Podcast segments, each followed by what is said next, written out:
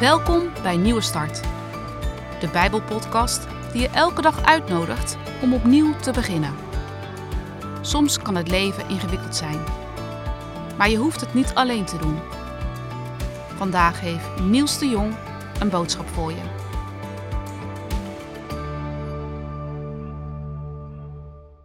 Van sommige mensen wordt veel gevraagd.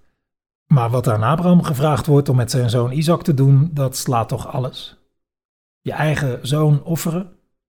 Dat kan je toch niet van iemand vragen, zelfs niet als je God bent?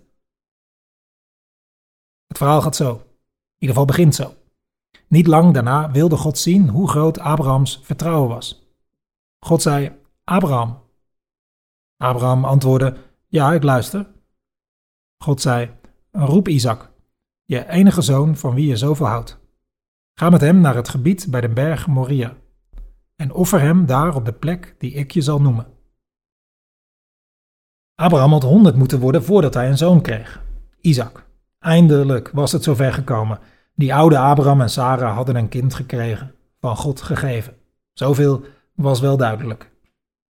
En die belofte over, van God over veel nakomelingen die konden komen, ja, die waren toch uitgekomen. En dan vraagt God doodleuk of Abraham zijn zoon wil offeren. Het is een proef, een test, dus zo blijkt uit het begin van het verhaal. Maar wat is dit voor een God die degene die hun vertrouwen in hem stellen aan zulke testen onderwerpt? Eerlijk gezegd, ik blijf het een bijzonder vreemd verhaal vinden. Wat een vreselijke test. Niet alleen voor Abraham trouwens, maar ook voor Isaac. Die jongen moet zich toch kapot geschrokken zijn. En ook al loopt het uiteindelijk goed af. Want dat doet het ergens wel. Als Abraham wil doen wat God van hem vraagt, blijkt dat toch niet te hoeven. En dan klinkt opeens een stem: raak de jongen niet aan, doe hem niets. Want nu weet ik dat je ontzag voor mij hebt. Je hebt mij, je zoon, je enige, niet willen onthouden. Nou ja, Abraham slaagt glansrijk voor de proef. Maar wat moet je nu met zo'n schokkend verhaal? Ik denk niet dat je dit helemaal rond krijgt. Dat heb je soms met Bijbelverhalen, die krijg je niet rond. Dat is ook zo met ons eigen levensverhaal. Dat komt ook lang niet altijd, maar mooi rond. Natuurlijk is er wel wat te zeggen over dit verhaal. Sommigen zeggen bijvoorbeeld: God wil juist laten zien dat hij anders is dan die goden van de tijd.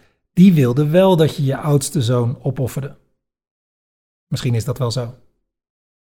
En het is ook waar dat uiteindelijk, als je de Bijbel helemaal doorleest, God juist zijn eigen zoon niet spaart.